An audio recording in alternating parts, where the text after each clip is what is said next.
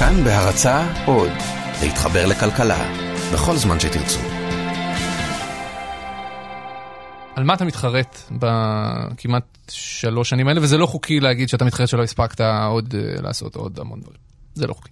אני מתחרט הרבה פעמים על הטמפרמנט. תשמע, אופי של בן אדם זה אופי של בן אדם. אחת התכונות שלי זה שאני לא רואה בעיניים כשאני רוצה להשיג משהו. ואם אני רוצה להשיג משהו, אז בינמו. אז מצד אחד זה טוב שאתה מצליח לעשות דברים, אבל לפעמים גם הדרך חשובה.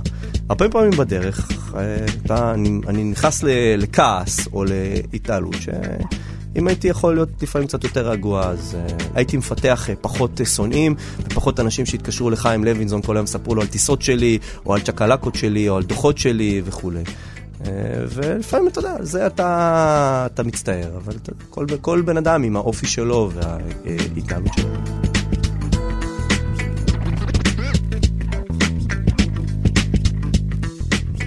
היי, אתם על חיות כיס, ההסכת של כאן כלכלי. הסכת, זה פודקאסט. אני שאול אמסטרדמסקי, והשבוע, ראיון עם אחד האנשים הקרובים ביותר לשר האוצר, מנכ"ל המשרד שלו, שי בעבד. אחת ולתמיד, מה פירוש השם? בעבד, זה יפה שאתה שואל, בעבד זה ראשי תיבות של בן אב בית דין. בעבד מכהן בתפקיד כמעט שלוש שנים, מאז הרכבת הממשלה במאי 2015. לפני כן היה מנכ"ל הרשות השנייה, ולפני כן עבד כמנכ"ל צים ישראל מקבוצת החברה לישראל של עידן עופר. תפקיד מנכ"ל האוצר הוא תפקיד קצת מוזר, כי משרד האוצר בנוי בצורה קצת מוזרה. בשונה ממשרדי ממשלה אחרים, במשרד האוצר יש כמה אגפים וכל ראש אגף נחשב בעצמו לדרג מנכ"ל. ראש אגף התקציבים, החשב הכללי, הממונה על השכר, ראש רשות שוק ההון, ראש רשות ניירות ערך, הכלכלן הראשי, מנהל רשות המיסים, הם כולם כפופים באופן ישיר לשר האוצר. אבל בו בזמן, מנכ"ל משרד האוצר אמור איכשהו לנהל את כולם.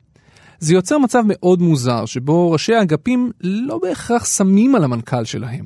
היו כל מיני מנכ"לים בהיסטוריה, כך אומר בבד, שהסתדרו עם זה. מבחינתם הם באו לעשות רפורמה גדולה אחת שתהיה קרויה על שמם, וביתר הזמן לא באמת ניהלו את המשרד.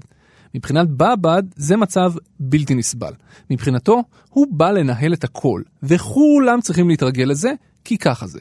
לא פלא שהגישה הזו הביאה ללא מעט פיצוצים בתוך המשרד, בעיקר מול אגף התקציבים, שתפס את עצמו מסורתית כמי שמנהל את המשרד. יש מנכ"לים שבהם אומרים, אני לא באתי לעשות רק רפורמה אחת או שתיים, גם לא בשביל זה אני באתי וגם לא בשביל זה שר האוצר הביא אותי, אלא באתי כדי לנהל את המשרד, להוציא, לפועל את המדיניות של השר. זה משהו שלעיתים יכול להיות קשה מאוד לאגף תקציבים. הממונה הקודם, למשל, שהיה אמיר, בא ואמר לי כמה פעמים, אתה עושה את המתיחות שנוצרת בינינו זה כי אתה לא מבין את התפקיד שלך. אני מבחינתי אמור לנהל את המשרד. המשרד, אתה מבחינתך אמור לקחת רפורמה אחת או שתיים ולהתעסק בהם, וכל, ואני אתן לך אפילו, יקצה לך את האנשים ויעזור לך ברפורמה הזאת אחת או שתיים, אבל תעזוב את המשרד. אה, זה, זה בעיני, ב, היו תפיסות עולם שונות ביני לבינו על איך התפקיד שצריך להתנהל ואיך התפקיד שלו כתוצאה מזה צריך להתנהל. לפי בבד, מה שבאמת עצבן אותו בהתנהלות של אגף התקציבים זה לא רק העובדה שהם התרגלו לנהל את הכל, אלא שמבחינתם שר האוצר הוא רק עוד פוליטיקאי בשורה של פוליטיקאים, שאסור לתת גם לו לעשות ככל שהוא מעלה על רוחו, אלא רק את מה שמסתדר עם מה שהאגף רוצה. זה לפחות הנרטיב שלו. אז הרבה פעמים יש בלבול ברמת הפקידות, שהפקידות אומרת, אה, המדיניות צריכה להיות שלי, האסטרטגיה צריכה להיות שלי, אני פה, שר בא ומתחלף עוד שנתיים, אני כבר פה שמונה עשר שנים, צריכים לעשות מה שאני רוצה. אה, בשיטה הדמוקרטית זה יוצא קצת בלבול, כי את הדרג המבצע, כמו אגף תקציבים ברשות החברות, ממנה בן אדם אחד, והציבור לא בוחר אותם. זאת אומרת, הם דרג שהוא ממונה. Uh, הדרג המיניסטריאלי הוא דרג נבחר. זאת אומרת, רצון העם בא לידי ביטוי בדרג הנבחר, שהוא זה שצריך להוביל את המדיניות ולהגיד מה המדיניות שלו, על סמך אותה מדיניות כביכול הוא נבחר. ואנחנו, ממנכ"ל עד אחרון הפקידים, uh, הדרג המבצע צריך לבצע את המדיניות הזאת. אחד הדברים שבאב"ד עשה לאחרונה הוא להעביר את תקציב 2019. ואני בכוונה מזכיר את השם של באב"ד בעניין הזה, כי למרות שלהעביר תקציב זו ממש אחת המשימות המרכזיות של אגף התקציבים במשרד, אם לא המשימה שלו, באב"ד היה מאוד מעורב בתקציב הזה, וזה כבר מסתדר עם כל מה ששמענו ממנו קודם. הממונה על התקציבים שאול מרידור מאוד טרי בתפקיד שלו. יותר מזה, מי שהמליץ לכחלון למנות את מרידור לתפקיד היה באב"ד בעצמו. היחסים בין השניים נראים מאוד קרובים, ובאב"ד אומנם מעריך מאוד את מרידור, אבל גם שם את עצמו בחזית דיוני התקציב. גם בממשלה וגם בכנסת. אולי בגלל שמרידור הוא ממונה טרי, אבל גם משום שככה באב"ד תופס את התפקיד שלו. הוא צריך להיות בכל מקום. אז הוא היה שם, בכנסת, בדיונים הפורמליים וגם בחדרי חדרים מאחורי הקלעים, בשביל לסגור את הדילים שצריך לסגור בשביל להעביר את התקציב. אוקיי, תקציב 2019, למה העברתם אותו עכשיו? לא באמת יש סיבה. העברנו את זה עכשיו, כי אם לא היה עובר תקציב עכשיו, 2019, לא היה תקציב ל-2019. והמשמעות, עכשיו, עזוב פוליטית איזה ממשלה תיבחר, ואם אותה ממשלה תיבחר, ואם היו בחירות או לא היו בחירות, ואם זה ממשלת ימין או ממשלת שמאל, לייצר חוסר ודאות לשוק, שיחזור 2019 תראה כמו 2015, זה דבר לא נכון משקית ולא נכון כלכלית, ואני אסביר. תקציב 2015 עבר בנובמבר 2015. 11 חודשים התקציב התנהל ב-1 חלקי 12 בהקפאה שלמה של כל תוכניות הממשלה, של כל משרדי הממשלה, כאשר החשבת הכללית דאז ניהלה את תקציב המדינה. המשק לא נקלע למשבר איום ונורא. נכון, אבל מצד שני, כל תוכניות העבודה נעצרו. אוי. יש אז- הרבה אנשים שיגידו, אז- עדיף ככה. אז, אז זהו שלא. כי כשאתה, אה, יש לך בקנה, בתקציב, בתקציבים הנוכחיים, צהרונים, וסיעוד, או. ונכים, או. ורגע, והשקעה בתשתיות, ותקציב חינוך, ודיפרנציאציה בחינוך, ואלף ואחת אתה תוכניות עבודה אומר, שקורה, אם היינו מגיעים נתקע. לשנת בחירות, ואז כל הדברים האלה היו נתקעים דווקא בשנת בחירות, ועוד בגללנו, זה לא היה נראה טוב. אז העברנו את זה עכשיו. הפוך, אני בא ואני אומר, זה בכלל לא קשור לשנת בחירות. אם אתה כבר מדבר על בחירות, עדיף לך לתקוע. אתה יודע למה? למה? כי אז בא שר אוצר לבחירות ובא ואומר, תקשיבו, אני שמה. אני רציתי. אני לא, הנה, אם אתם תבחרו בי, אז יהיה לכם את הצהרונים שלקחו, ויהיה לכם את הנכים שלקחו, ויהיה לכם את, ה, את הנקודות זיכוי שלקחו. אני נתתי לכם, אתם יודעים למה אין את זה? כי לקחו אתכם לבחירות ולקחו, תחזירו אותי פנימה ואני מחזיר לכם את הכל. אם כבר אתה מדבר על בחירות, בדיוק הפוך משתווה, משת, שווה לו לעשות. כי אז הוא בא ואומר, בואו נעשה את זה ככה, שכאילו אני נתתי את כל הדברים האלה, הם לקחו ועכשיו נצא לבחירות. די, שי, זה היתממות. זה- נו, זה לא אה, היתממות. כחלון נמצא כבר אה, זה- חודשים רבים בקמפיין לא- עם שלטי חוצות, לא. וכל הסרטונים של שר- משרד האוצר נראים בדיוק אותו דבר. שר האוצר לא נמצא בקמפיין, כי אם שר האוצר היה בקמפיין כנראה, ושוב, אתה מכניס אותי למקומות הפוליטיים, שזה לא צריך להיות המקום שלי, אבל, וזה לא המקום שלי, אבל שר האוצר לא נמצא בקמפיין, כי אם שר האוצר היה נמצא בקמפיין, כנראה שהסקרים היו מראים אחרת. אין לציבור מושג על העשייה שמשרד האוצר עשה בשלוש שנים האחרונות. מושג בכלל, כמות הרפורמות שעברו בשלוש שנים האחרונות. במסגרת תפיסת העולם שלו, לפיה מנכ"ל משרד האוצר צריך להוביל או להיות מעורב בכל התהליכים הגדולים של המשרד, באב"ד היה חלק מלא מעט תהליכים שקרו וקורים באוצר. אחד מהם הוא תחום שקצת נזנח בידי משרד האוצר בעשור האחרון, עלה מאוד לכותרות בשנה החולפת, ואולי בקרוב סוף סוף יקבל טיפול ראוי מצד המשרד. בעיית הפקקים. הנושא הזה עלה באופן טבעי בשיחה שלנו, כשעוד עשינו בלנס למיקרופונים בהתחלה, והיינו צריכים שבאב"ד פשוט יגיד כמה מילים, והוא לא היה כל כך בטוח מה להגיד. איזה מילים אתה רוצה שאני אגיד? תספר לי על הנסיעה שהייתה לך. הבוקר? כן. אתה לא רוצה, אתה רוצה שאני אתעצבן סתם, אבל הבוקר? אתה צריך להיות הרבה יותר, אתה שומע את עצמך, נכון? כן, שומע את עצמי כן, טוב. אוקיי. אה, עליתי ב- לחמש, ומחמש חתכתי עד עשרים, ומ-עשרים מאלון עד לכאן. אגב, זה הולך להיות הרבה יותר גרוע. זה הולך להיות קטסטרופלי. אתם לא עושים הרבה. אה, לא, אנחנו מתחילים, זה לא נכון, כי אנחנו מתחילים לעבור אה, בצורה מסיבית לאסטרטגיה של אה, נסיעת המונים. והשקעות... מסיבית, אתה אמרת את המילה מסיבית. מסיבית, כן. מסיבית. מיליארדים על גבי מיליארדים הולכים להיות מושקעים במטרה לפתח רשת להסעת המונים כמו שצריך, לעודד תחבורה ציבורית, אה, לפתח את הרכבות אה, התחתיות, הסמי-מטרו והמטרו המלא, פעם אחת, ופעם שנייה גם לייצר אה, איזון בביקושים, אה, לראות איך מטפלים נכון יותר. עשינו בחוק ההסדרים משהו קטן כמו אה, נסיעה בנת"צים של רכבים עם ארבעה נוסעים ומעלה. אבל יש עוד הרבה דברים שייכנסו ללופ. לא היה בחוק ההסדרים, לא רציתם להביא איזשהו משהו שבעצם אה, יפקיע את היכולת של הרשויות המקומיות אה, להתנגד לכל מיני רכבת קלה, קו סגול וכולי? לא רק אה, זה, זה באופן כללי, רצינו להביא את הנימבי, Not in my backyard, אהה. של... אה, חוק מנכ"ל- יונה יהב, כן. כן, חוק יונה יהב. נימבי פירושו Not in my backyard. זו תופעה כלל עולמית. ציבור יוצא להפגין נגד איזה משהו גדול שהמדינה צריכה ברמה הלאומית, אבל כשזה מגיע למיקום ספציפי, אז התושבים של אותו מקום מתעצבנים למה צריך להקים את זה דווקא על הראש שלהם. זה יכול להיות uh, תחנת כוח, או מתקן קליטת גז, או הפקעה של כביש לטובת רכבת קלה, או מכל אמוניה. במשרד האוצר רצו לחוקק את החוק הזה, שיפקיע מראשי הרשויות המקומיות את הסמכויות המקומיות שיש להם, בעיקר להוציא היתרי בנייה וכאלה, בשביל לא לאפשר להם לתקוע פרויקטים לאומיים. ובסופו של יום זה נפל בחוק ההסדרים. אני מקווה שנצליח להביא את זה בקונסטלציה כזו או אחרת בהמשך.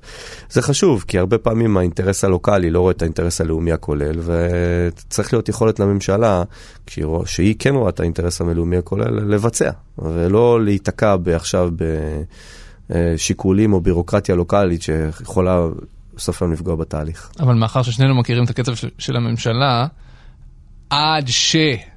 תצליחו לעשות משהו כזה, אנחנו נעמוד עוד שעה בפקקים. אה, לא, כי יש עכשיו צוות אה, בראשותו של אה, רוני חזקיהו, שכבר הוקם לפני שנה, שעשה עבודה פנטסטית שבקרוב יהיה השקה שלה.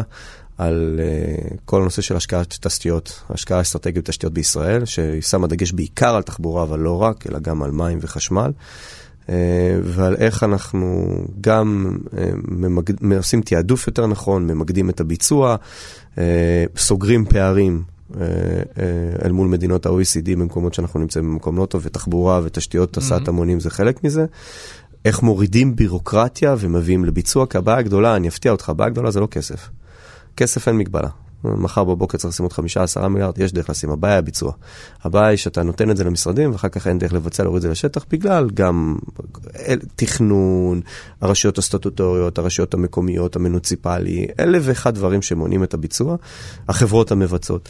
והקמת הצוות הייתה באמת לעשות הסרת רגולציה מטורפת, לעשות תעדוף נכון של פרויקטים, להביא אה, לפלואו הרבה יותר נכון של ביצוע של הפרויקטים, וגם להשקעה.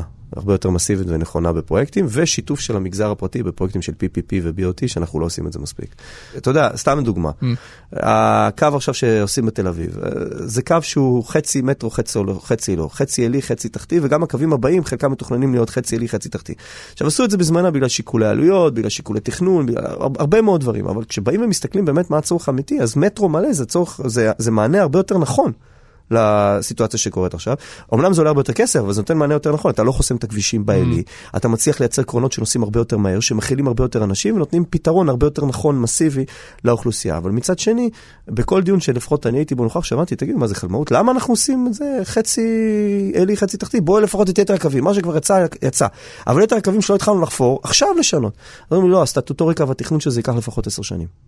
עכשיו, עד היום אני לא מצליח להבין למה זה צריך לקחת עשר שנים הדבר הזה, אה, אבל שם אנחנו נמצאים, באובר בירוקרטיה מטורפת, עם רגולציה מטורפת, וחלק ממה שהוועדה של רוני, אה, הצוות של רוני, שמשלב באמת גם את משרדי הממשלה הרלוונטיים, מכמובן מנהל התכנון ומשרד האנרגיה ומשרד התחבורה ואגף התקציבים, אה, במטרה לתפוס את כל הגופים הכי חזקים שיושבים על, על הבירוקרטיה הזו ועל הברזים האלה, היא לראות איך עושים הסרת חסמים ומביאים לביצוע.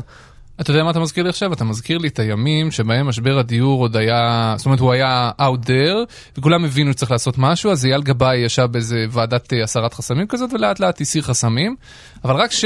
סליחה שאני נותן קרדיט, אבל רק שאתם, אתה יודע, רק במערכת הבחירות האחרונה של 2015, שבאתם ואמרת, לא, לא, לא, אני רוצה את כל הקלפים אצלי בבקשה, מנהל התכנון ומשרד הבינוי ואני יודע. נכון, אז התחילו לזוז דברים. למה אין דבר כזה בתחבורה? למה לא קם שר האוט, נגיד כחלון, למה הוא לא קם ואומר, חברים, מצב חירום בתחבורה. כל הסמכויות אליי בבקשה, אני רוצה לפעול. אתה צודק לחלוטין אם זה היה אפשרית, אבל אתה מכיר את המבנה הפוליטי, ואתה מבין את זה שלא בן אדם אחד, זה ראש ממשלה צריך לדפוק על השולחן ולהחליט שהוא לוקח את זה. לא שר אוצר מהמקום שלו, ששר אוצר יכול להגיד, אני עכשיו משתלט גם בסמכויות התחבורה של מדינת ישראל, שיש שר תחבורה במקביל. אתה יודע בדיוק מה יקרה יום אחרי זה, ואתה יודע גם מה קורה כשלא עושים דברים בתיאום, אם חס וחלילה יצאה איזה כותרת שלא הייתה מתואמת ומישהו לקח לשני קרדיט, אז כבר עוד, uh, הדברים עומדים עכשיו עוד איזה חודשיים, שלושה רק בגלל מלחמות כאלה. יכול להיות שבבחירות הבאות זה יהיה טיקט לרוץ עליו? אני לא יודע, זה אתה צריך לשאול את אה, שר האוצר שהוא זה שמתכוון לרוץ בבחירות הבאות, לא אותי.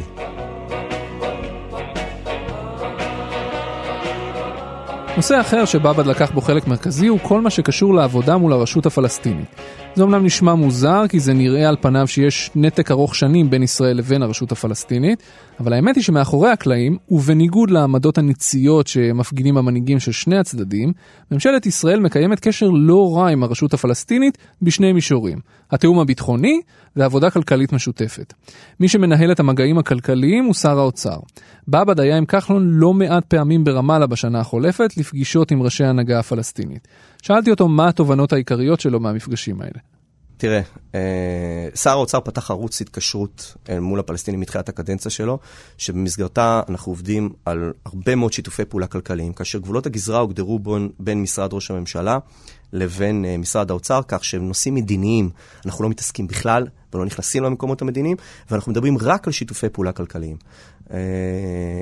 אחת התובנות המרכזיות שיש לי באירוע הזה, וזה גם שר האוצר מוביל את זה, זה ש...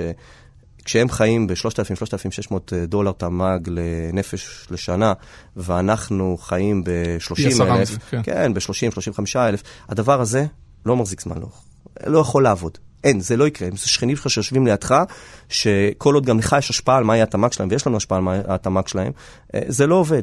ולכן אנחנו מנסים בכל דרך אפשרית, להגביר את השיתופי הפעולה הכלכליים בינינו, אם זה לא להביא יותר עובדים פלסטינאים, אם זה בפעם ראשונה אנחנו עובדים על אזור תעשייה משותף ליהודים ופלסטינאים שיהיה באזור מודיעין עילית, אם זה על ידי שעשינו איתם את הסכם החשמל, אם זה על ידי שסגרנו איתם את כל ההתחשבנות המיסויית שהיה בעבר על, על uh, מחלוקות, אם זה בנושא אזורי בונדד, שהם יוכלו לשחרר סחורות שלהם מאזורים קרובים אליהם ולא בתוך הנמל שזה מעכב אותם לא מעט.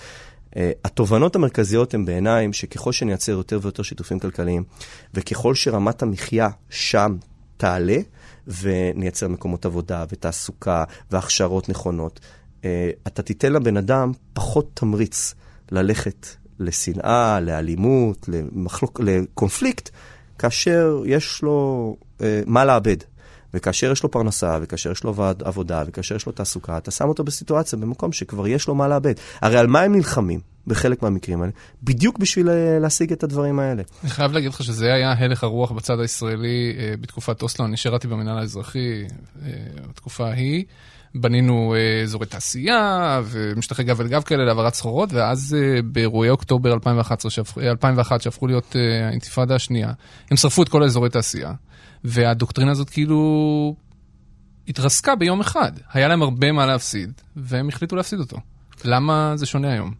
אני, אני חושב שהמצב שונה היום, כי הם הבינו שכשהם הרצו את זה ברגע אחד, הם לא הרוויחו משהו אחר. זה לא שמה שהם עשו והרסו את זה ברגע אחד ויצאו להתלמוד ויצאו לזה, זה שינה את הסיטואציה ושינה את החיים. ואתה לומד, אני חושב ניסיון עבר. וגם אנחנו למדנו שככל שנגביר... גם אנחנו עשינו המון טעויות. נכון, כן, נכון, לא... נכון, נכון. אני חושב שגם אנחנו למדנו שככל שנגביר את השיתוף פעולה, ככל שנייצר אה, אה, להם תעסוקה יותר טובה, ככל שנעלה שם את, ה, את התוצר לנפש ונייצר רמת מחיה יותר גבוהה, ככה החיכוכים בינינו לבינם יקטנו. ותגיד, איך זה עובד בזמן שראש הממשלה במקביל מוביל איזושהי תפיסה ניצית מבחינה ביטחונית? והאמת, גם כחלון לדעתי, לפחות בעבר היה איפשהו בעמדות האלה, לא יודע איפה הוא היום, לא דיברתי איתו על זה אף פעם. תראה, הנושאים הביטחוניים, כמו שאתה יכול לתאר לעצמך, אני לא יכול להתייחס, אבל uh, אני יכול להגיד לך שאין מחלוקת. אני מכיר גם מה קורה בצד הביטחוני, אין מחלוקת בין מה שאנחנו מובילים ביטחונית. לא, עזוב ביטחוני, ברמה המדינית. כן, אתה יודע, יש ברמה המדינית, מה כל אחד מהם יוצא ואומר, ואומר בהצהרה וכולי, ויש מה שקורה בשטח.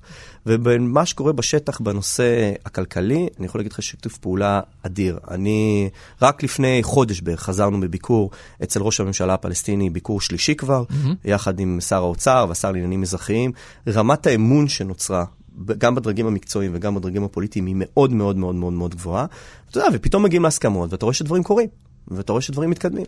ואני חושב שזה אחד הדברים הכי מרתקים, דרך אגב, שיצא לי לעשות בתפקיד ויוצא לי לעשות בתפקיד, וגם אחד הדברים שאני חושב שהם הכי חשובים, ולא בגלל האינטרס הפלסטיני, אלא בגלל האינטרס הישראלי. אני מסתכל על זה בעיניים שלנו כאינטרס מלא מלא מלא שלנו, קודם כל כי בחלק מהדברים האלה יש לנו באמת בעיית תעסוקה שזה עוזר לנו, אין לנו את העובדים האלה למקצועות האלה, פעם אחת, ופעם שנייה, אה, אתה מתחיל לסגור פעמים, פערים ומייצר שקט, שאם לא יהיה, כלכלית אתה תשלם הרבה מאוד מאוד כסף אחר כך כדי אה, למגר את הרע שזה יכול לייצר. אה, אומרים עליך, גם בתוך משרד האוצר, שאתה, יש לך נטייה לריב. אתה רב. היית בבית המשפט עם משהו, חברת חשמל בצפון, רבת עם השופטים. אה, בקק"ל אמרו עליך, אתה אה, שקרן ופירומן. אה, רבת עם נציבות שירות המדינה ואז התפרסם שאתה רוצה לסגור אותם.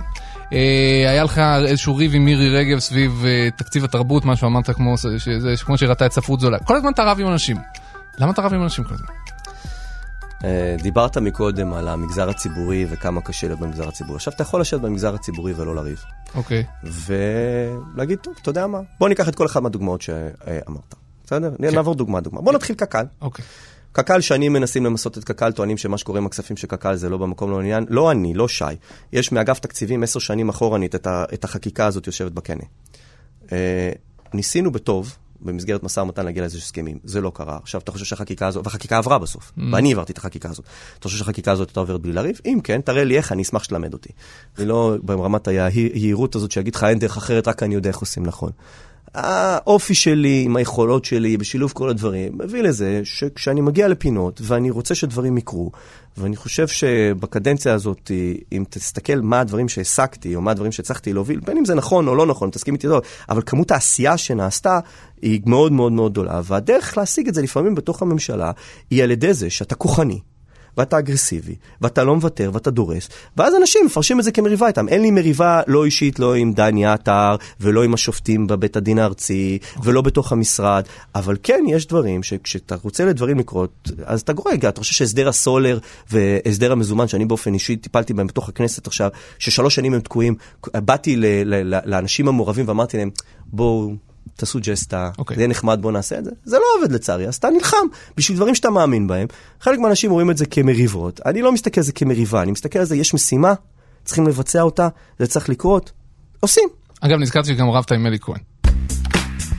שר הכלכלה אלי כהן, הכוונה. בספטמבר האחרון העיתונאי עמית סגל פרסם צילומי מסך של הודעות וואטסאפ של בבד וכהן, שכללו האשמות הדדיות עסיסיות במיוחד. היו שם לא מעט מילים לא נעימות, בלשון המעטה שהשניים החליפו ביניהם. תגיד לי, שאול, יש לי שאלה עליך. בוא ניקח עכשיו את הוואטסאפ שלך, ונוציא את כל התכתבויות הוואטסאפ שלך, עם כל האנשים שלך, עם חברים שלך, עם אנשים שאתה מכיר, עם משפחה שלך, עם מי שאתה רוצה. אני בטוח שאני אמצא שם רק שירים של נתן אלתרמן, ציטוטים של זאב ז'בוטינסקי, והגות פילוסופית של אה, אה, דקארט. זה הדברים הכי... אני לא אמצא שם שום דבר שקראת לאף אחד טיפש, אידיוט, תמה, לא יהיה. ודרך אגב, זה בוואטסאפים של כל אזרחי מדינת ישראל. אצל כולם, אם אני נכנס לוואטסאפ היום, לכל אחד מהאזרחים, רק דברי חוכמה, אלתרמן, שירה מתקדמת, באמת, הגות. אין, לא רצים שום דבר. רק אצל מנכ"ל האוצר, יש בוואטסאפ אישי שלו, לקולגה שלו שהוא עובד איתו. אה, קולגה? קולגה, לחלוטין קולגה. שר בממשלה. אה, כן, רק אני מכיר את אלי כהן לפני שהוא היה שר בממשלה, כמו שאתה יכול לתאר לעצמך, ומה לעשות, הוא סוג של קולגה איתי, נכון שהוא שר, אני הכרתי אותו מלפני, ויש התכתבויות אישיות בינינו, דרך אגב, עד היום יש התכתבויות אישיות ביני לבין אלי. וזה שלוקחים התכתבות אישית שלא קשורה, אם תשים לב, ההתכתבות הזאת לא הייתה קשורה לשום דבר מקצועי, לא לתקציב שלו. לא, אמרת שהוא חולה תקשורת או משהו כזה. לא קשור לשום, לא אמרתי את זה, לא. אמרתי לו שם אחר, למה הוא רץ לתקשורת, מדווח לתקשורת, לפני שהוא שם את זה אצל שר האוצר, ונותן להוציא מסודר. אין לזה שום דבר שקשור לעבודה המקצועית, אין לזה שום דבר שקשור לתקציב, ואתה יודע.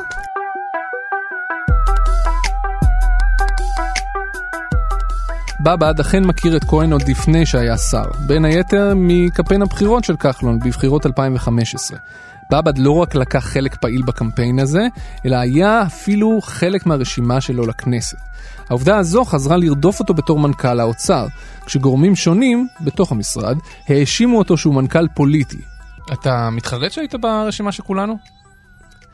אה, שאלה טובה, תראה, אה, אני הייתי אפקטיבית ברשימה של כולנו, אני חושב שכבר אמרתי את זה בכמה מקומות. אה, מראש רציתי להגיע לדרג המקצועי, כל החיים שלי התנהלתי רק בדרג המקצועי, לכל העשייה שלי מהיום שנכנסתי לשוק העבודה. אז למה היית ברשימה? פנה אליי שר האוצר וביקש ממני... לא, פנה אליך משה כחלון. נכון, אז היה משה כחלון לא שר אוצר, וביקש ממני uh, להצטרף. ואני ידעתי מראש שגם אם אני נכנס, אני הולך להתפטר, היה לי סיכום עם אכרם חסון שהיה מספר אחריי, שגם אם אני נכנס, אני אתפטר והוא יהיה בכנסת, ואני אמרתי למשה כחלון שמה שאני רוצה, בין אם הוא יהיה שר האוצר או כל שר אחר, זה להיות מנכ"ל שלו. דרך אגב, הדברים האלה שאני אומר לך עכשיו, לא נורא נורא נורא קל לאמת אותם. אתה יודע, תמיד אומרים על אנשים שהם אומרים בדיעבד דברים, שלך תוכיח אם קראו או לא.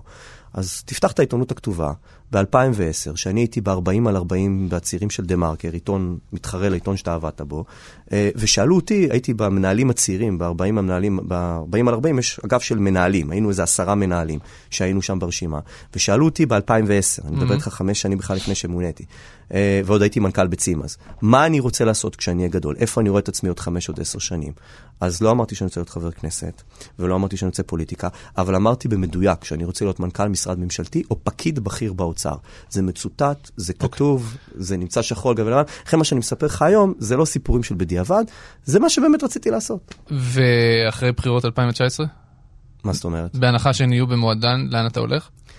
אני לא יודע, אבל דבר אחד אני אומר לך, אתה לא תראה אותי ברשימה פוליטית רץ ב-2019. אוקיי. אגב, אתה תחזיק עד סוף 2019? אה, כל עוד שר האוצר אה, ירצה אותי בתפקיד. בשנה האחרונה שמו של בבד נקשר גם בשני סיפורים אישיים מאוד לא נעימים מבחינתו. הראשון ביבשה, השני באוויר. בבד נתפס מספר פעמים כשהוא מנצל את הזכות שיש לו בתור מנכ"ל המשרד להפר את חוקי התנועה. נוסע במהירות מופרזת מאוד, נוסע בשוליים, מפעיל את הצ'קלקה שיש לו, למרות שהזכות הזאת ניתנה לו רק לעיתות חירום. מבחינתו של בבד זה אמנם לא בסדר, אבל זה מוצדק. אם היינו בנעליו, הוא אומר, היינו מבינים. מה הקטע עם המהירות המופרזת והצ'קלקות וכל זה? מה זאת אומרת, מה הקטע? למה אתה נוסע מהר? למה אתה מפעיל צ'קלקה? זה נכון שנתנו לך את האפשרות, אבל זה רק אז- בעיתות חירום. אז- אז אחרים אומר- לא עושים את זה, אז, למה אתה... אומר, אז קודם כל אני לא אכנס אה, למי עושה את זה או לא, אתה לא יודע, ואני הופה. לא, זה, אני לא אתן לך גם את הסקופ הזה, אבל אני יכול להגיד לך, אחד, אני לא היחיד. שתיים, אה, תקבל את זה או לא תקבל את זה, במסגרת התפקיד הבלתי אפשרי שלי, הרבה פעמים אני צריך למצוא את עצמי שאני צריך להגיע לדיונים קריטיים, זה לא חירום, אני אומר מראש, גם אמרתי לך שדיברנו על זה שזה לא חירום, אבל זה דיונים קריטיים, זה מקומות קריטיים שאני צריך להיות בהם, שהם לא מקומות רגילים, כמנכ"ל אוצר, בנקודות ובצמתים שכרגע קריטי שאני אהיה שם. עכשיו, אה, אם אני אבלה את העוד שעה בפקק ולא אהיה בישיבה, או יחתוך את הפקק, בין אם זה בשוליים או ייסע מהר כדי להגיע מהר לדיון, החלטה שעשיתי, אני גם אשלם עליה. וזה בסדר המחיר שאני משלם עליה. שילמתי עליה תקשורתית, שילמתי עליה בכתבות שעשו עליי, שילמתי עליה... זה, אה, גם וזה אני צריך. להגיע לפגישות בזמן, אני לא נוסע ב-167 רק- קמ"ש. רק, רק, אה, בוא, אני לא נוסע כל יום ב-167 קמ"ש. היה קנס זה- כזה. אחד, נכון, אבל בוא... באמצע הלילה, אגב, לא- אף אחד לא מיהר לשום לא. נכון. זה לא היה באמצע הלילה? לא, מה לעשות, זה לא היה? באמצע הלילה. לא, זה היה אחרי הצהריים, אם אתה כבר Mm, מתייחס, בוא אוקיי. נדייק בעובדות. אה, זה היה בדרך זה היה לצפון? בנסיעה לחיפה, אוקיי. בדיוק. Mhm. נסעתי מירושלים לחיפה שהייתי חייב להיות שם, וחזרתי מחיפה. אוקיי, אז גם באותו אני יום. צריך להגיע לישיבות אבל בזמן, אני- לא נוסע במהירות אני לא הזאת. מתווכח איתך, וזה בסדר. עכשיו, אולי אני אגיד משהו שקצת יעצבן אותך, אבל לדיונים שאתה מגיע אליהם, ויום למחרת אחרי שאני אסיים את התפקיד שלי ואני אחזור להיות שי בעבד כמו שלום סטרדמסקי רגיל ואין לי חיים רגילים, לא... אבל אתה לא צריך להימצא בדיונים שרמת ההחלטה שלהם וכמות הנחיצות שלהם וחשיבות שלהם היא כרגע כמו דיונים שנמצא בהם מנכ"ל אוצר. ולכן, זה קורה עכשיו. אה, למה- אותי, למה אתה לא יוצא בזמן פשוט? אה, אין, אה, אין אחד לצאת בזמן במדינת ישראל, אין מה לעשות. אתה, אני עובד 24-7. וכמות הדיונים והדברים שאני נמצא, אני חוזר ב-2-3 לפנות בוקר כל יום, אני עובד איזה 300 שעות בחודש. אני חושב שגם זה, אם בדקת בעדויות מי סוגר אחרון את האור במשרד, אני מאלה. אה, מהעובדים שלי, ואני עוד עובד בדרך, ואני עובד בסופי שבוע. אין לצאת יותר מוקדם. וקורה שאני לא מצליח להגיע לדיונים. אתה שואל אם זה בסדר? זה לא בסדר. אתה שואל אותי אה, אם אה, תחת האילוצים והשיקולים שאני צריך לעשות, אני מקבל החלטה האם כרגע זה קריטי וחשוב שאני אהיה שמה או שאני אעמוד בפקק. אז לפעמים קיבלתי החלטה כזאת, ושילמתי עליה את המחיר, וזה המחיר שאתה משלם, אין מה לעשות. אז מה עכשיו? הבחירות לא הוקדמו, והממשלה, לפחות תאורטית, אמורה לפעול עד נובמבר 2019. האם לאחר מכן ימשיך עם כחלון או יחזור למגזר הפרטי? בבד אומר שהוא עדיין לא יודע, אבל לא פוסל את החזרה לשם. תגיד לי, אה, בהנחה שהממשלה תוציא את ימיה ותהיה שם עד הסוף, מיצית את המגזר הציבורי? אם מיציתי את המגזר הציבורי, או זו שאלה קשה. אה, זה מקום קשה. ברצון, זה מקום נורא נורא קשה, המחירים בו הם אדירים. תראה, לא, עזוב, מבחינת מעבר למחיר הרצונות- המשפחתי, זה פשוט מקום קשה. נכון, הוא, לא, הוא לא, לא עובד, זה- הוא לא זז, הוא... לא, זה לא נכון. אני יכול להגיד לך שבקדנציה הזאת אה, יש לי הרגשת, והיא לא נגמרה, ואני מקווה שעוד יצא לי לעשות עוד הרבה דברים גדולים. בשלוש שנים האחרונים יצא לי לעשות דברים ענקיים שנפלה לי זכות מטורפת לעשות, שבשום תפקיד אחר בחיים אני, אני לא יצא לי לעשות. עשיתי עשר ועדות שעברו חקיקה, הובלתי חקיקות מטורפות, עשיתי רפורמות ענקיות, עשיתי חמש שנות תקציב. אוקיי. אלה דברים שאתה, הם סיפוק אדיר, אדיר. אין עשייה כמו במגזר הציבורי, אין, באמת, אם אתה בא לעבוד ואתה דוחף, ויש לך צוות טוב ואנשים טובים שעובדים איתך, ויש לך שר, כמו שלי יש, שהוא באמת בולדוזר ועולם ומלואו בעשייה ורצון לדחוף ולעשות, וגם בגב שהוא נותן, אז, אז אתה יודע, השמיים הם הגבול וזו תחושת סיפוק אדירה. אז אוקיי. ברצון הפנימי, להמשיך ולעשות, אם אתה שואל אותי, ה drive שלי, ה drive שלי לגמרי שם. זה מה שמעניין אותי. יש אנשים שמושך אותם כסף, יש אנשים שמושך אותם אה, תפקיד בכיר כזה או אחר במגזר הפרטי, או יוקרה. זה, אני, ה drive שלי לגמרי שם. אה, המחירים, הם מחירים נורא נורא נורא גדולים, ובסוף, אתה יודע, אני היום גם נשוי, יש לי ילדות, זה לא פשוט. אז בתפקיד הבא לא נראה אותך בתפקיד בכיר במגזר הפרטי מלא כסף? אני לא יודע איפה תראה אותי בתפקיד הבא, אבל גם אם תראה אותי בתפקיד הבא, במגזר הפרטי מלא כסף, בניגוד להרבה אנשים אחרים, אני, אם אני אעשה את זה, ואני לא יודע, יכול להיות שאני גם אשאר במגזר הציבורי, אבל גם אם כן, זה יהיה בסדר גמור, כי את השירות שאני עשיתי למדינה, גם במילואים וגם בשירות הציבורי, אני מזכיר לך, אני לא עשיתי את הסיבוב שגדלתי באוצר, ואז הלכתי, חיפשתי בסקטור הפרטי. אני הרווחתי מלא כסף כמנכ"ל בסקטור הפרטי, עבדתי אצל אחת המשפחות העשירות ביותר בישראל, ועזבתי את זה וירדתי לשישית מהשכר כדי להיות בתפקיד שאני נמצא בו היום. זה לא שאתה בשכר רעב היום, כן? לא אה, נכון, 40 אבל, אבל לרדת צריך לחמישית. שישית, נכון, אבל לרדת לחמישית שישית מהשכר שהיה לך, לא מכיר הרבה אנשים שמוכנים לקום בבוקר ולהגיד, דרך אגב, ולא שהם בפנסיה אחרי שהם עשו לביתם וגידלו את הילדים ובגיל 60, אני מזכיר לך, אני בן 40, הקמתי משפחה עכשיו, יש לי שתי בנות קטנות צעירות, אני רק עכשיו התחלתי את החיים שלי, בגדול. ולעשות את זה בתחילת הקריירה, יחסית בתחילת הקריירה, לקום ולעזוב, זה שיש לך עתיד מובטח במגזר הפרטי, עם מסלול מטאורי שהתקדמת בו, עם הרבה כסף שאתה מרוויח. אתה אומר לעצמך, אני עובר למגזר הפרטי, למגזר הציבורי, לא טריוויאלי, ועשיתי את זה, אני כבר חמש שנים במגזר הציבורי, שנתיים כמנכ"ל רשות שנייה, שלוש שנים כמנכ"ל האוצר, ועוד לא סיימתי. אז אני אומר, אני לא יודע, אבל זה יהיה בסדר גמור אם אני אחליט שהמילואים שלי נגמרו, והלוואי והרבה אזרחים יבואו ויעשו חמש שנות מילואים במדינה, אני באמת חושב שזה חשוב ונכון, וזה ייתן המון למדינה. שי בעבד, מנכ"ל האוצר, תודה רבה. תודה רבה, שלום.